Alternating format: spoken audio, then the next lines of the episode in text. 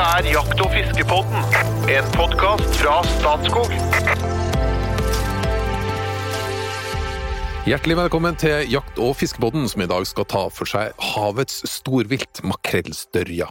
Nå ser jeg det røkke litt i kroppen til Espen Farstad, som er sett ved min side her. Hjertelig velkommen. Takk, takk. Og Jo Inge Bresjeberget, det er kanskje ikke så mye makrellstørje på Innlandet? Nei, det er heldigvis, jeg det er jo ikke det. Men, Men- eh, det burde ha vært. Ja, ikke sant?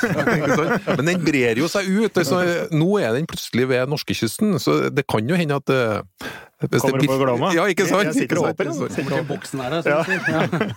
Men vi har med oss en gjest i dag som kan mye om eh, makrellstørje. Det er en Øyvind Kjelseth fra eh, Norges Jeger og Fisk. Hei, hei. Eh, kan du si litt om bakgrunnen din? Jeg er eh, fiskekonsulent i, eh, i forbundet. Eh, biolog. Eh, jobber med fisk og fiskeforvaltning bredt. Så makrellstyr er en av 275 arter for vår del. Jeg ser jo i mine juksenotater her nå, så, så er du en eh, Du fisker sjøl, selv, selvfølgelig.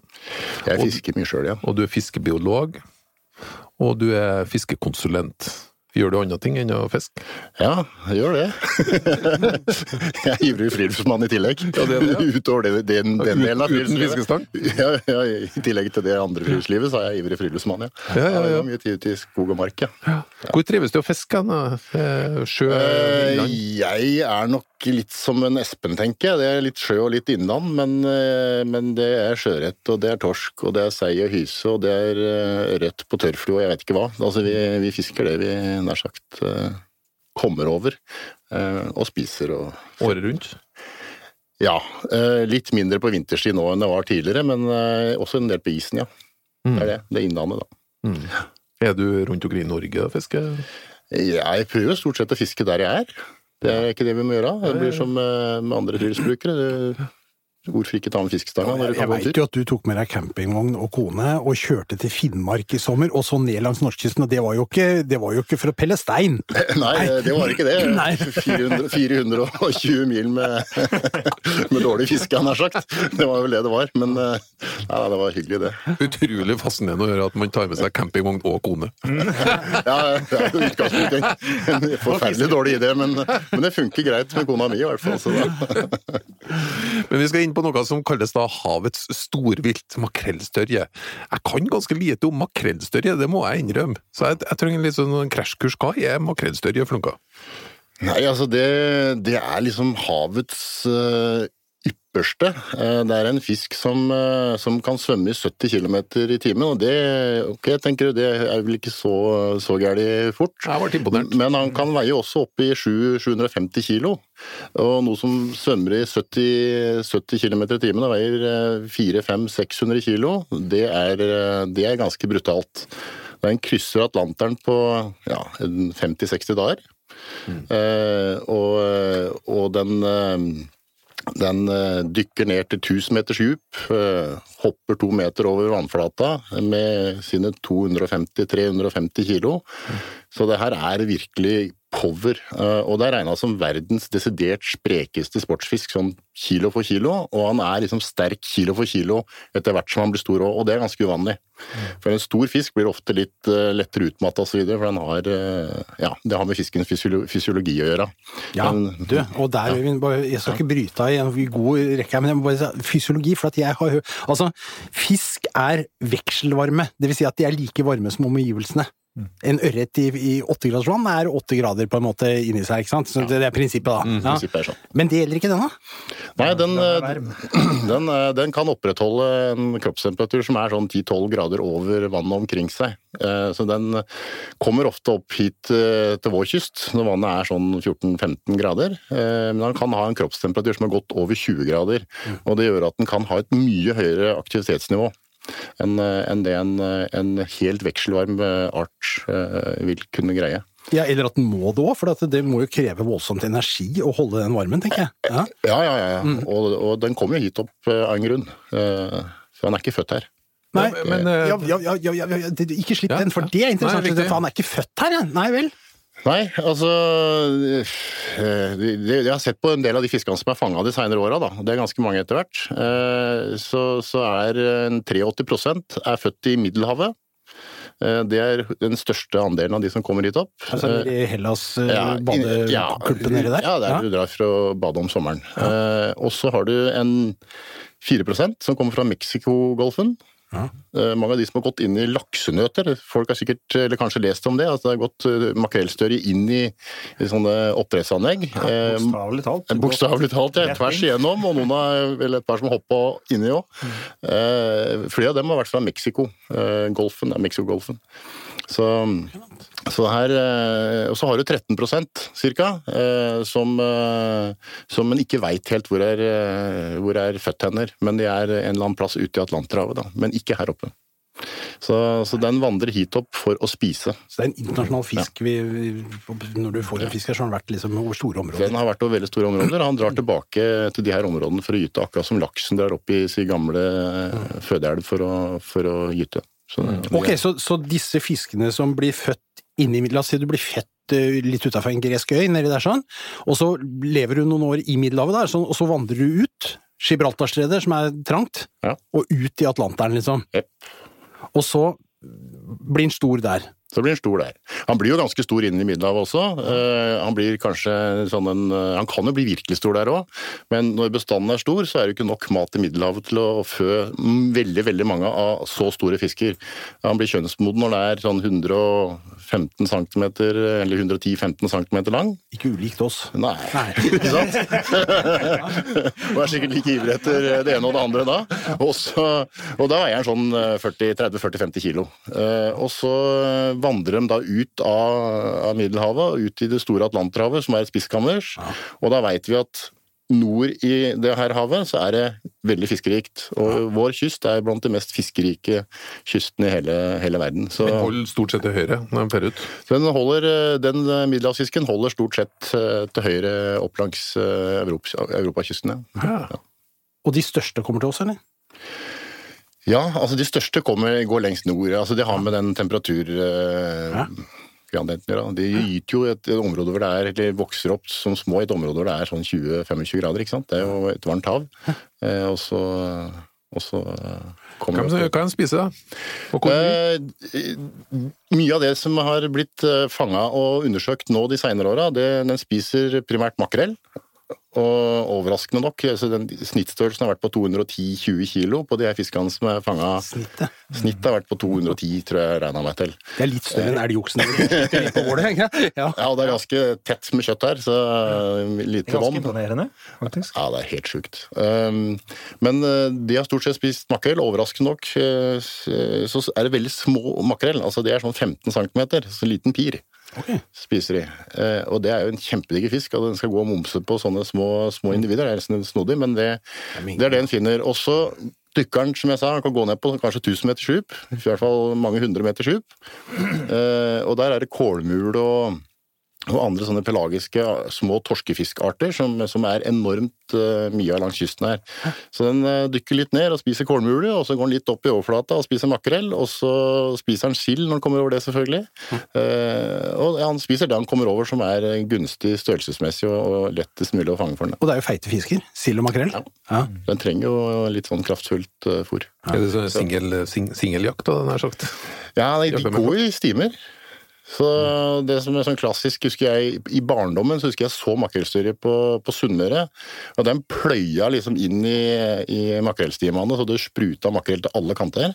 Eh, og så går han kanskje og plukker eh, litt etterpå, for han, jo, han er jo en svær fisk som svømmer veldig raskt. Og så har han jo kraftige finner og så videre, så han slår nok en del i svime på den måten. da. Men det er ikke sånn at, du, at den har vært ved norskekysten hvert år når den går bakover?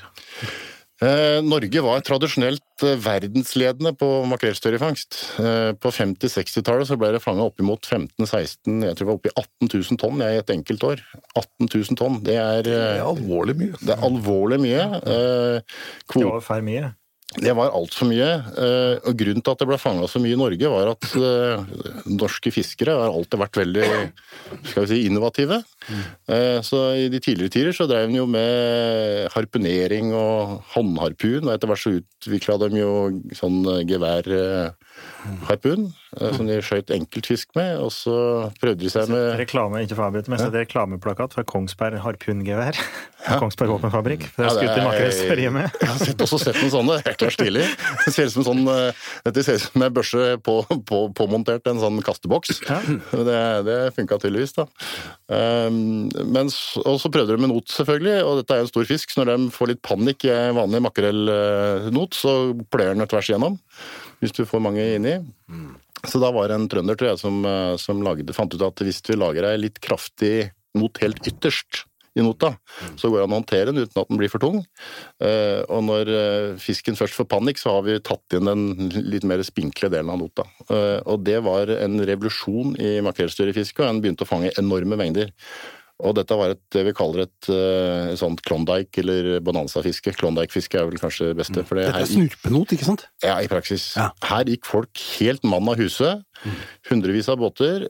Og det gikk ordentlig gærent til slutt, for den redskapen den spredde seg også til andre land. Eh, og på Klassisk eksempel. et veldig Over- klassisk eksempel på, som jeg sier, menneskets eh, dårskap. Eh, og utover 70-tallet så var det slutt. Og på 80-tallet så ble den freda. Og, og fisker fortsatt i Middelhavet på små, stort sett småfisk. Den Ja, store det- fisken blei borte. Akkurat det er interessant, for for at du, du sammenligna med laks i stad. Altså, den blir født et sted, og så vandrer den et sted og spiser seg stor, så kommer den tilbake igjen. Det er En nomadisk eh, livsstil, på en måte. Og det veit du er utfordrende, for at da møter den jo en hel haug med forvaltningsregimer, for å si det sånn, da. Hele veien. Men, men, og da har man gjort et grep med å lage en internasjonal tunfiskkommisjon. Ja, Ikke den, sant? Ja, og den har eksistert lenge, men uh, Norge ble medlem i den jeg tror helt på begynnelsen av 2000-tallet. Uh, 2003-2004 eller noe sånt. Så det er ikke så gærent lenge siden. Uh, og i 2006 tror jeg så ble den enige om å innføre veldig strenge reguleringer på fiske etter uh, makrellstørre, eller blåfinna tunfisk som det også heter. Dette er jo den største av tunfiskartene, det glemte jeg å si i stad. Men, men eh, da ble det innført strenge regulering på fiske av småfisk, så det ble satt minstemål. Store, litt høyere minstemål. Og de minstemålene har økt, så etter hvert så, så er det minstemålet på et nivå som, som tillater fisken å bli eh, i snitt kjønnsmoden før han eh, er tillatt å fange. Eh, det har vært kjempeviktig, og så har han fått kontroll på alt det uregistrerte fisket. Det var kanskje den viktigste, eh, i tillegg til minstemålsbestemmelsene. Dette, dette syns jeg er interessant, for vi hører jo ofte om sånne kommisjoner som jobber med ting, og det er overordna og sånn, men tunfisken er et eksempel på at dette er utrolig viktig. Han fødes i ett hav med masse fiske, og det er, det er klart det er fiskere i Tunis og Algerie og Marokko og Spania som har lyst til å høste av dette, ikke sant? Og så ut i de frie vannmassene. Her ligger det jo trålere fra Japan, ikke sant, og har lyst til å fiske denne fisken som er sushifisken nummer én, ikke sant, og, og alle mulige andre. Altså, alle vil høste av denne fisken. Så skal du klare å, å styre uttaket og få kontroll på dette, så må du ha altså, et internasjonalt kommisjonsarbeid, og det klarte de. Det klarte de, og, og det tok jo tid selvfølgelig, men ganske ganske Ikke raskt. trått lenge, gjorde det Ja, ikke? ja, det gikk beskyldt for ikke å ta Ja. harde nok grep. Ja, særlig med hensyn til å få kontroll på det her eh, uregistrerte, eller den fangsten som aldri ble registrert. da. De antok at en veldig høy andel av den fisken som faktisk ble fanga, den eh, kom aldri inn i statistikken. Mm. Men i dag så mener han jo at den har en rimelig god fangststatistikk. For at en båt skal kunne eh, drive med dette kommersielt i dag, så må du ha en, en internasjonalt godkjent inspektør om bord. Det koster ganske mye penger, så det begrenser seg også litt sjøl av hvem som har eh, litt, ja, kanskje råd til det. Og så må du ha et mottaksapparat, og det er veldig mye greier rundt det her fisket kommersielt. Eh, Men så har du også det her sportsfiske etter arten, som er veldig attraktivt også, som er en, ja, på, på et helt annet For det, det, det, det, er to, det er to hovedmåter fiske skjer. Det ene er på en måte et industrielt fiske, Ja. som vi nå var inne på. Og så har du at dette er sportsfiskerens våte drøm. Ja. Hvis, vi- hvis vi skulle gå litt nærmere inn på en våte drøm, hvordan i all verden fisker du de svære fiskene får, fisken eller får du lov? Ja, Ja. Det, det, ikke sant? Det, er- det er en, en, en, en annen del av det her regelverket er at eh, det er veldig strenge regler for sportsfiske. Og det her er ikke noe Norge som eh, nasjon kan si at eh, ja, men det, det driter vi vi gjør sånn som vi gjør på alt annet fiske. Her må de forholde seg til de internasjonale reglene også, de er veldig strenge. Eh, Men så kan de, det som står i regelverket her, er at det kan avsettes ei kvote til eh, sportsfiske. Eh, Og det gjorde Norge for første gang i år, etter får jeg si, press fra, fra Norges jeger- og fiskerforbund, og selvfølgelig med hjelp fra andre ivrige eller ildsjeler i de her makrellstørjefiskemiljøet. For det finnes en del mennesker i Norge som har gode erfaringer eller lange erfaringer med fiske til arten i andre land. Da. Så, Så nå for første gang så er det mulig Ja, altså for første gang på, på lang stund så er det mulig å Ja, men, men, drive det, er- men det er ikke et fritt fiske. Nei. Altså, Nei. du og jeg Trond Gunnar, kan ikke dra ut og, og fiske det, det Hvordan der- gjør man det? da? Ja. Uh, Nei, altså det, det, det skal registreres. Du skal godkjennes som eh, fisker. Båten din skal godkjennes i praksis også. Eh, og, og det, som man har gjort i Norge, da, så er det blitt satt av ett tonn av 239 tonn eh, totalt kvote i Norge. Så er det blitt satt av ett tonn til det her sportsfisket, og så er det blitt satt krav om at fisken skal settes tilbake. Eh, altså et catch and release, et rent catch and release-fiske. Kun tillatt å avlive fisken hvis den er død eller døende. Altså, du trenger ikke avlive den hvis den er død, da, men, men hvis den er døende, så skal du avlive den. Det er der det tonnet kommer inn, ja. Der kommer det tonnet inn. Så, så hvis du da hadde fått fem-seks fisker som du måtte drepe, så, så måtte du avslutte av fisket. Eh, resultatet i år er at det ble tatt kun fire fisk. Eh, men det ble også tillatt eh, fiske for eh, kun fire team, eller båter da i praksis. Med mannskap. Eh, og det, det er sånn, vi får, vi får si at det er et forsøk i Norge i år. Eh, og så har eh, Eh, Ikke for å avbryte, men eh, hvordan fikk de tilgangen? da? Var det type eksklusivt for dem, eller var det, hadde, det var, kvalifikasjoner? det, eller? eh, fiskeri, eller? ja, Fiskeridirektoratet hadde en, eh, en, eh, en påmeldingsprosess med veldig strenge krav til utstyr. eh, Og for så vidt erfaring også. Og ut fra de som meldte seg til den eh, i den runden, så ble det valgt ut et antall som, eh, hvor tre av båtene, tror jeg, eller tre av teamene ble ansett som eh, helt opplagt de beste, så den ble valgt ut. Og så var det en loddtrekning mellom et par-tre andre. Eh, en litt sånn snodig uh, prosess, i hvert fall for oss som driver med sportsfiske. Jeg er ikke vant til den type greier, men, men, uh, men det var fire team, og det er jo altfor lite, selvfølgelig. Vi, vi mener jo at det her eh, kan utvides til langt, langt flere team, og da vil du få mye mer erfaring også. Det fang- og slipp-fisket som vi snakker om, da, det var også inkludert en merking. Um, da skal du sette et sånt spagettimerke, som er et eh, passivt merke for så vidt, som du setter i, i, i fisken, og så må du fange igjen fisken for å få noe mer informasjon. Da kan du se hvor fisken eh, ja, Du vet i hvert fall hvor han ble merka, så finner du ut hvor han ble gjenfanga, og da kan du si i hvert fall hvor han er et, noe om hvor han har gått. da. Eh, og så Litt kan du si på fugler. ja, og så kan du si noe om vekst og, og sånn. Eh, Så at, eh, men, men det klart, fire merka fisk, og de var veldig kvikke og raske når de ble sett, satt tilbake, så de lever garantert fortsatt. Men det som, er, det som er greia her, er at det er jo ikke, det er jo ikke et åpent, fritt fiske etter makrellstørje enda.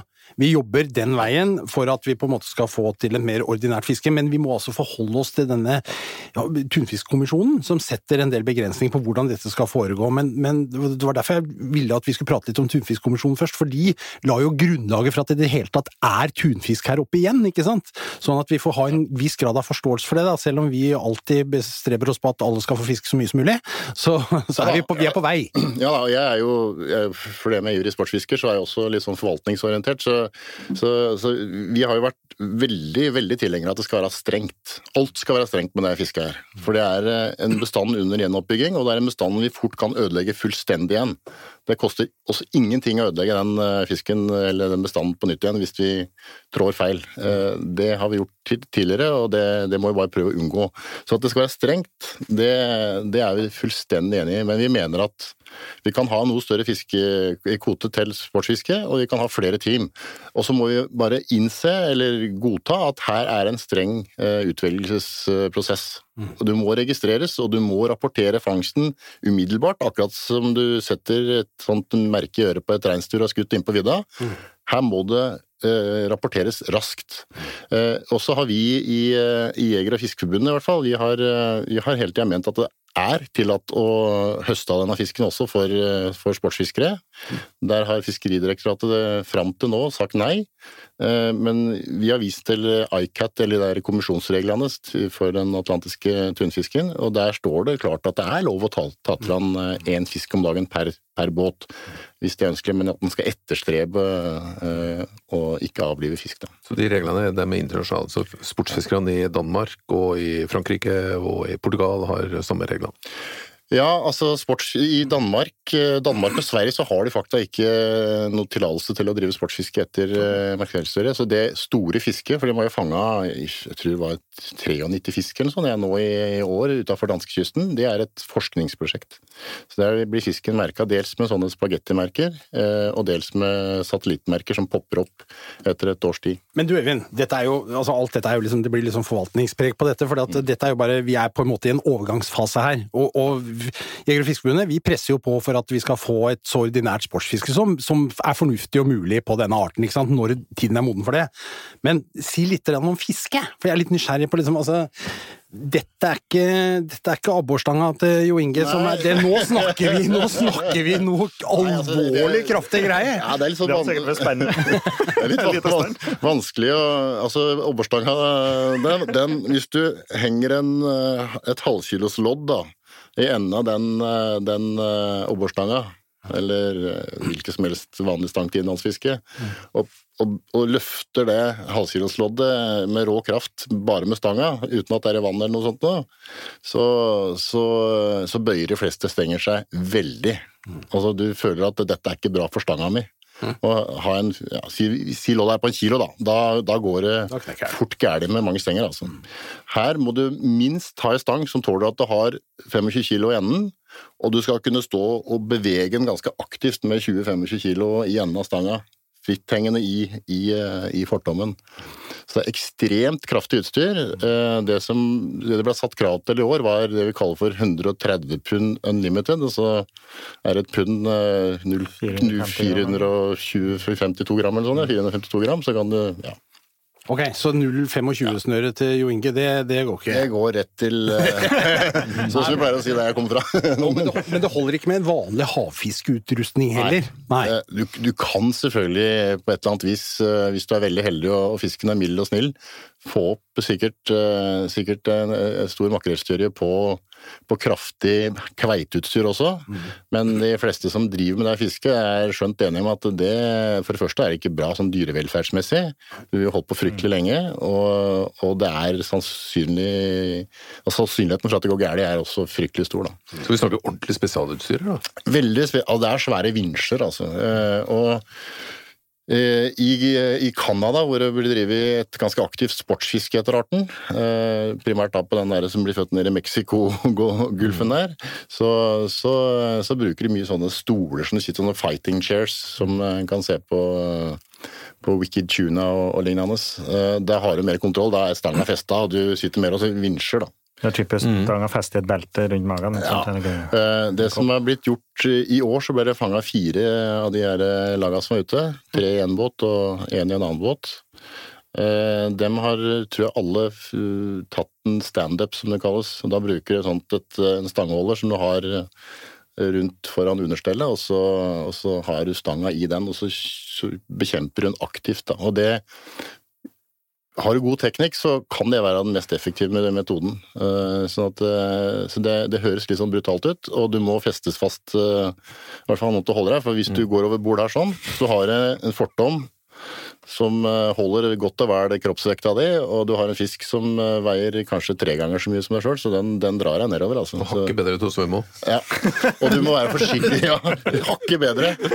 Hvor langt snøre har du på den snella? Ja, Jeg skulle til si Ja, nei, altså Et utras er fort 200-300 meter. Ett Et utras altså uten stopp. Da går det fort line, så du må, du må ha mange hundre meter med Hvordan føles det? Du, det har jeg aldri følt, følt for å si det sånn. Det, det er jo for, for de utvalgte, det, da. Jeg, men jeg har, har jo sett det. Det er helt vilt brutalt, rett og slett. Sammenlignet med alt annet jeg har fått. Fått uh, nygått laks i fjorden flue for et par år siden på, på 6,5 kilo, som tok ei lita flue og relativt tynt utstyr, og den, den syns jeg dro vilt langt ut. og Kanskje han dro 30 meter. Eh, ikke sant? Så Det er liksom det vi ofte snakker om når vi snakker om et langt utras på fisk, så er det sånn type 10-15-20 meter. Eh, 20 meters utras er langt, altså. I de fleste sammenhenger. Men hva, hender, hva, henger Ja, i enden av- hva henger i enden av snøra? Nei, altså Det fins flere metoder. Eh, Internasjonalt så er, det, er bruk av, av duppmeite faktisk ganske vanlig. Da bruker du en ballongs og dupp, og så har du en makrell eh, under. En på- bursdagsballong? Ja, vanlig bursdagsballong som du fester med en strikk i, i lina, og så, så har du en makrell igjen. Eh, eh, og på de store, virkelig store En levende makrell.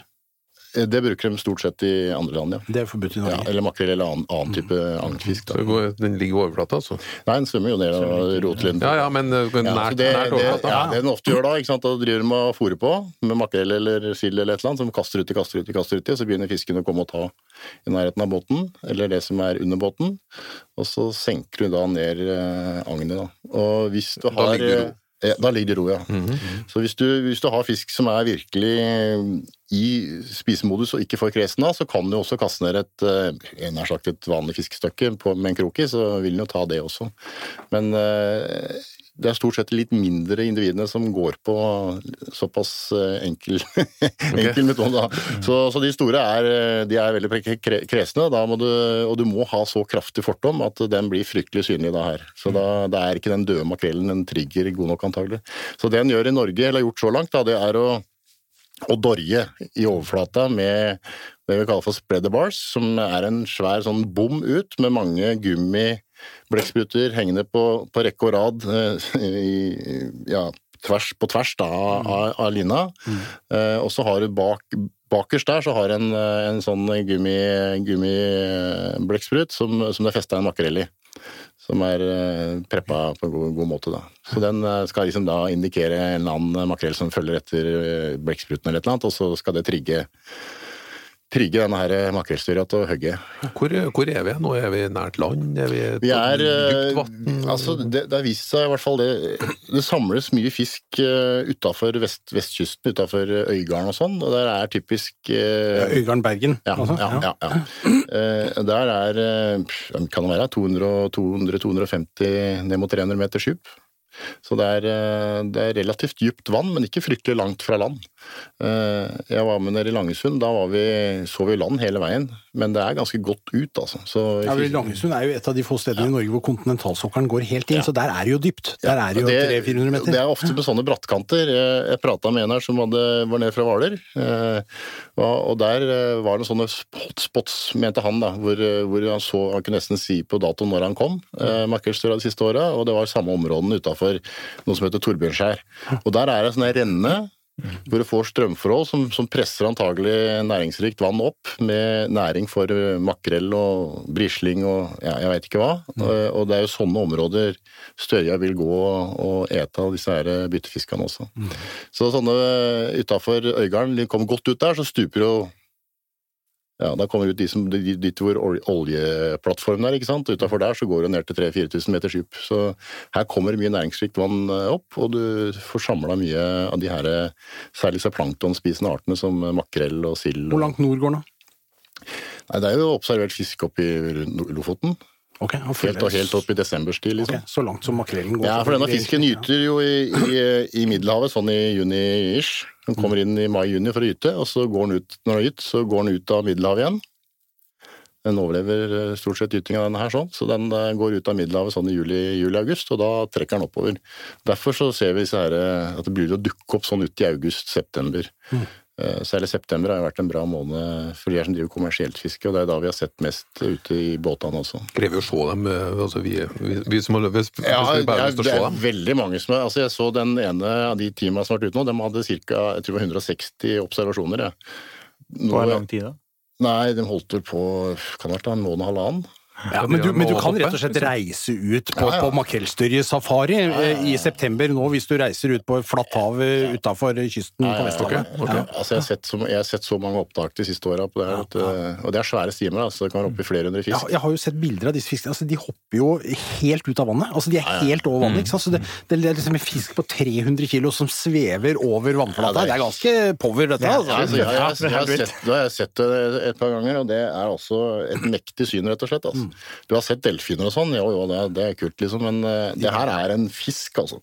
Som er uh, Han er så altså, en halvannen-to meter over vannet på det verste, og så er han helt dønn stiv i kroppen. Dette er en fisk som svømmer sånn som en makrell, ikke sant? Bak, eh, det, det er akkurat som å ta et Ja, det er et perfekt bilde av en fisk i, i lufta, liksom. Ikke noe bøy, bøy Altså, kroppen er helt dønn stiv, og det ser helt absurd ut. Og så er det sånn Han bryter ut av vannet i veldig høy hastighet, så det er nesten som et smell. Og ned igjen. Jækla stilig. Men det kommersielle fisket, for at det foregår jo et kommersielt fiske på dette her sånn, og litt interessant, for at vi hører jo sånne historier om tunfisk som blir solgt på fiskemarkedet i Tokyo eller andre japanske byer, ikke sant, for eventyrsummer. 9,3 millioner norske kroner tror jeg er en av rekordene der. sånn. Det var, i hvert fall norske kroner den gangen. da. Er Ikke sant, det er jo som en lottogevinst.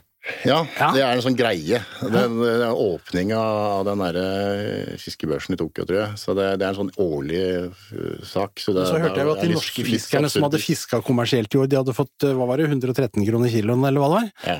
Eh, og det skyldes eh, primært den her høye kroppstemperaturen som vi snakka om i stad.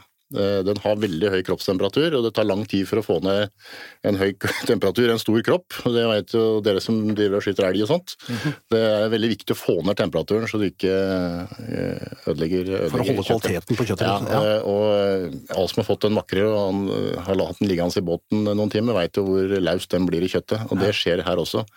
Og når kvaliteten blir så dårlig, så er det ingen som er villig til å betale, Okay, så det skal betale veldig mye. Men altså 113 kroner kiloen. Ja. Da får du for torsk. En yrkesfisker får eh, er det 16-20 kroner kiloen, kanskje 25 på en knallgod dag. Så det er jo fortsatt en høy pris, eh, og det er en stor fisk, så det blir jo eh, men, men resultatet i, i, for kommersielle fisket i år var jo at, eh, at de ga seg rett og slett til slutt. Eh, For det er fryktelig stor innsats. Du må ha den her inspektøren om bord, ikke sant? som koster mye per dag. Og det var dårlig med fangster i år. Du tror de fanga rundt 50 tonn eller noe sånt totalt. Av 239. Så det er en veldig stor andel av kvota som står igjen. Det For å sammenligne mot eh, laks, da. Eh, Fiske laks i garn kontra ta det i elven. Vi vet eh, verdiskapningen er på ta den på sportsfiskeutstyr i elven. Altså alt rundt. Hvordan vil du bedømme det, da? Altså Hvis du hadde hatt et sportsfiske etter den, kontra det i næringsfiske. Ja, det, det sportsfiske eventuelt er avhengig av, er jo å ha steder hvor det er regulære forekomster. Altså, altså at fangstmuligheten er god. Eh, hvis du har ei elv hvor du kanskje får en fisk hvert tredje år, nesten uansett hvor mange som fisker her, så er det ingen som gidder å dra dit og fiske. Så, så det vi ikke har funnet i år, eller i Norge, er noen hotspots hvor det liksom er regulært mye fisk. Vi veit at utafor Øygarden kommer det fisk en eller annen gang.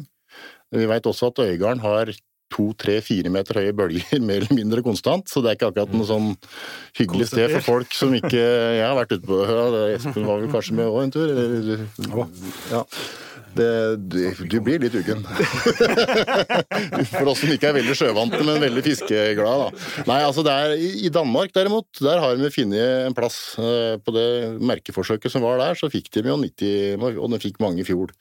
Bråta med fisk. Eh, Det var mange båter ute, da. Men eh, der er det tydeligvis en sånn plass hvor det samles mye fisk. Eh, Og det er relativt lett å få tak i da når den er der. Men for den som er virkelig ivrig, så er det klart at, det er klart at eh, Jo Inge er inne på noe. Altså at man kunne jo forvalta denne ressursen på en annen måte enn 113 kroner kiloen, eller hva det er, ved å, å, å lage et organisert turist- eller sportsfiske rundt dette. Det, ikke sant? For at jeg har jo ikke båt, eller sånn, men jeg kunne kanskje tenke meg å investere litt penger i å prøve et par dager, i hvert fall.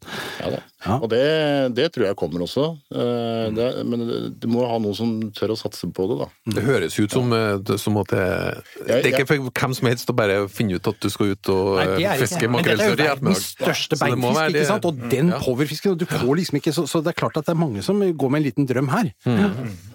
Jeg, jeg, jeg, tror, altså, jeg tror fortsatt at bestanden, eh, hvis, hvis, hvis den blir forvalta godt, så vil den jo øke, og da vil det bli mer fisk også. Da tror jeg mulighetene for det blir lettere. Altså På 50-60-tallet og før det så tok de jo masse makrellstørre inne i Oslofjorden. Og det var sånn fisk på bare 50-60 kilo jeg har sett på de fangstrapportene. Altså ikke stor fisk, men eh, ganske mye av dem. Eh, og, og det ble skutt med harpungevær, eh, som, som vi sa i stad, ikke sant. Og det, var, det må ha vært mye mer fisk. Og da må den jo ha vært mye lettere tilgjengelig for sportsfiske også. Hvis vi får tilbake sånne typer bestander som drar hit opp for å ete, det forutsetter at vi forvalter de her fòrfiskbestandene godt òg, da. Ikke sant? Så det er flere ting som skal klaffe her, sånn, så, så kan dette bli eh, en god, ganske god næring, tror jeg, for, for noen. da. Bestanden er på tur oppover, eller? Ja, han har jo vært det. Så får vi se hvor De har jo økt kvotene ganske betydelig, da. Så det er sånn, eh, sånne kan jo bli litt skremt av det, men eh, den norske kvota, vi snakker 239 tonn, det utgjør eh, 0,7% av den totale kvota for den fisken som gyter i, i Middelhavet. Så det er jo Det er andre eh, som fisker mye her. Eh, når du fisker, så eh, slår, slår den på, og så kan den renne ut 100 meter, 200, 300 meter. Hvor lang tid bruker du på å få opp en sånn en normal makrellstørje? Er normal makrellstørje en time. Time, ja. Ja, det tror jeg. Altså de som ble tatt i altså de som ble tatt i, i år nå, dem, to av dem ble, brukte de en drøy halvtime på. Eller først, ene var en 29 minutter, tror jeg. Men det var godt, eh, godt klokka. Eh, og det er vanlig å si at du, skal, du bør prøve å få den inn i løpet av en time. Det er derfor du har sånne ekstreme krav til utstyr. For, det, for dette er en fisk som hvis du har litt for veik snelle her, så lenge stanga holder, så mens snella er for veik, så kan den gå i timevis. Så du, har du sånn kveiteutstyr som vi nevnte i stad, da, så kan den gå og ture rundt i tre dager den, uten å føle at den har noe i kjeften i det hele tatt, nesten. For det er så mye kraft og, og vekt, så du greier rett og slett ikke å heise opp med vanlig styr. Og så kan man bruke kjøttet til sushi, men eh, hvordan eh, for øvrig? Hva annen, andre Nei, å bruke det på? eh, altså, Hvilken type bare- kjøtt er det egentlig? Nei, det er jo veldig rødt, rødt kjøtt. Ja. Den som har sett Det er jo ikke alle som har spist sushi, de som liker å ete agn, får gjøre det, men, men den, eh, den er eh, den er, eh, den er veldig rød i kjøttet. Og det er, og det er veldig godt. Er Altså, kjøpe som, et stykke tunfisk og bare steike som en biff, liksom. Det er jo nydelig kjøtt, altså. Dette, dette er verdens mest ettertrakta fiskekjøtt, og det er jo derfor du får 113 kroner kiloen for, for dårlig kvalitet òg, ikke sant. Det norske fisket som foregikk langs kysten her på 50-, 60-, 70-tallet, det, det gikk jo rett i hermetikkboks her. Det var sånt Uh, Tunfiskeboks. Ja, da var Og det, fabrikk, da var det tunfiskboksfabrikker langs norskekysten, liksom, som, eller, som tok imot det her og bare ja. Det er jo relativt, relativt dårlig utnyttelse av en, eh, en veldig flott ressurs, da. Ja, hva du tenker Jo Inge? Her snakker vi om eh, Vi vi snakker ikke om sånn trauste, kraftige elgokser som eh, setter opp en viss fart. Vi snakker om eh, et storvilt som kjører 70 km i timen, er oppimot 700 eh, kilo tung, og du får den på kroken. Ja. Er Du fikk litt løst? Ja, jeg gjorde det. Eh, Jeg tror det har vært intens glede. Ja. Vi har fisket litt i havet, fiske på eh, i varmere strøk, og sett her de der artene, type snapper eller groper, skjært bare på fem kilo. Og her de, her de kan gjøre med et fiskesnøre. Og her de kan dra ut eh, et fiskesnøre. Det er litt der, Du tror det ikke før du har prøvd det, ikke sant? Og så skal du begynne å få noe slikt på si, 250 kilo, da. Som en grei elgokse, liksom. å få det på kroken. Og så bare, går det bare rett ut. Det bare eksploderer. Eh, Det tiltaler meg, jeg må si det. Jeg har lyst til å prøve, jeg. Jeg syns du burde hatt det i Glomma. Ja, og hvis, Nå forsto jeg at det var litt komplisert, men hvis, du, hvis det er noe du har lyst til å se om det er mulig å få prøvd, hva gjør du da? Ja, da må du vel stort sett reise over dammen, vel, til Canada eller der omkring for å få til. Ja, det mange gjør, er å dra til, til Canada. Altså, heter for noe? Prince Edward Silence, eller ja, Pay. Eh, det er en sånn kjent plass. Der er det ganske mange sånne charterbåter. Og den charterbåtvirksomheten, den er eh, mye det er mye mer liberal holdning til det på den sida av dammen, hvis vi kan kalle det det, enn det er på den sida her sånn. Så det, i disse her reglene til den her Tudfiskkommisjonen, så, så er det faktisk eh, står det at charter, chartering is not allowed. Og det, det skjønner vi ikke helt. Men det må vi jo diskutere videre, da. Dette utvikler seg over tid. Ja, for jeg tror det Altså hvis, hvis du skal få et sportsfiske på det her sånn, så, så er det såpass store investeringer som må til for, den enkelte fisker hvis den skal gjøre alt sjøl. Du skal ha en båt som er rigga for det, du kan ikke bare sette deg en vanlig stangholder. Skal du ha en stangholder på, så må du ha noe som ikke river, som, som virkelig tåler det, ellers så river den jo ripa i filler eh, av rein kraft. Eh, og så må du ha et utstyr som koster ja, si koster 20 000 kroner, da. Som egentlig ikke er noen absurde summer, men uh, du må i hvert fall ha, ha det, pluss, pluss, pluss, pluss. Så det er ganske store investeringer, men hvis du kunne gått på en båt da, og betalt noen tusenlapper for, for, uh, for en dag, sammen med noen andre, uh, og dere fisker med fire, tre, fire stenger kanskje, og har en fin dag ute, og, og med en relativ fangstmulighet, så blir jo dette her noe helt annet. Og det tror jeg veldig mange hadde vært interessert i. Det syns jeg var spennende. Jeg, har, jeg må innrømme at jeg har egentlig aldri satt meg inn i hva makrellstørje er for noe. Og nå fikk jeg høre om eh, Ja, en bestandsutvikling som eh, før var kritisk, og nå var, hadde veldig positiv utvikling. Og det er internasjonalt, og det er sannsynligvis kanskje blir det rom for et veldig spennende fiske også i Norge etter hvert. Bare for å skyte inn det, jeg leser meg opp litt på det i går, og det er bare ordet størje er ganske spesielt. Det, det er jo et antageligvis avledig fra norrøn. Styrje. Og at den betyr stor. Ja. Altså stor makrell, eller stor. Mm. Det, og, og det er funnet beretning om at eh, størje har vært en viktig matfisk i Norge langt tilbake i tid. Ja, da, det finner jeg størjebein til lang, lang, Så vi har klart å fange den. Vi har vært, som jeg sier, norske fiskere har vært dyktige. Har klart ja. ja. faktisk klart å fange den. Det er Jeg leste her med beretning om at han var fisker med dynamitt, men at det hadde vært forbudt. Såpass, ja. Det er kanskje greit. Nei, du hadde imponerende kunnskaper, det må jeg vel si. Det var veldig spennende å høre, og inspirerende. Så uh, håper jeg at dette kan utvikle seg til et godt og bærekraftig sportsfiske etter hvert. Tusen takk øh, for besøket, Øyvind Fjellseth, og takk til Jo Inge Bresjeberget, takk til Espen Farstad. Hjertelig velkommen til nye episoder i Jakt- og fiskepodden.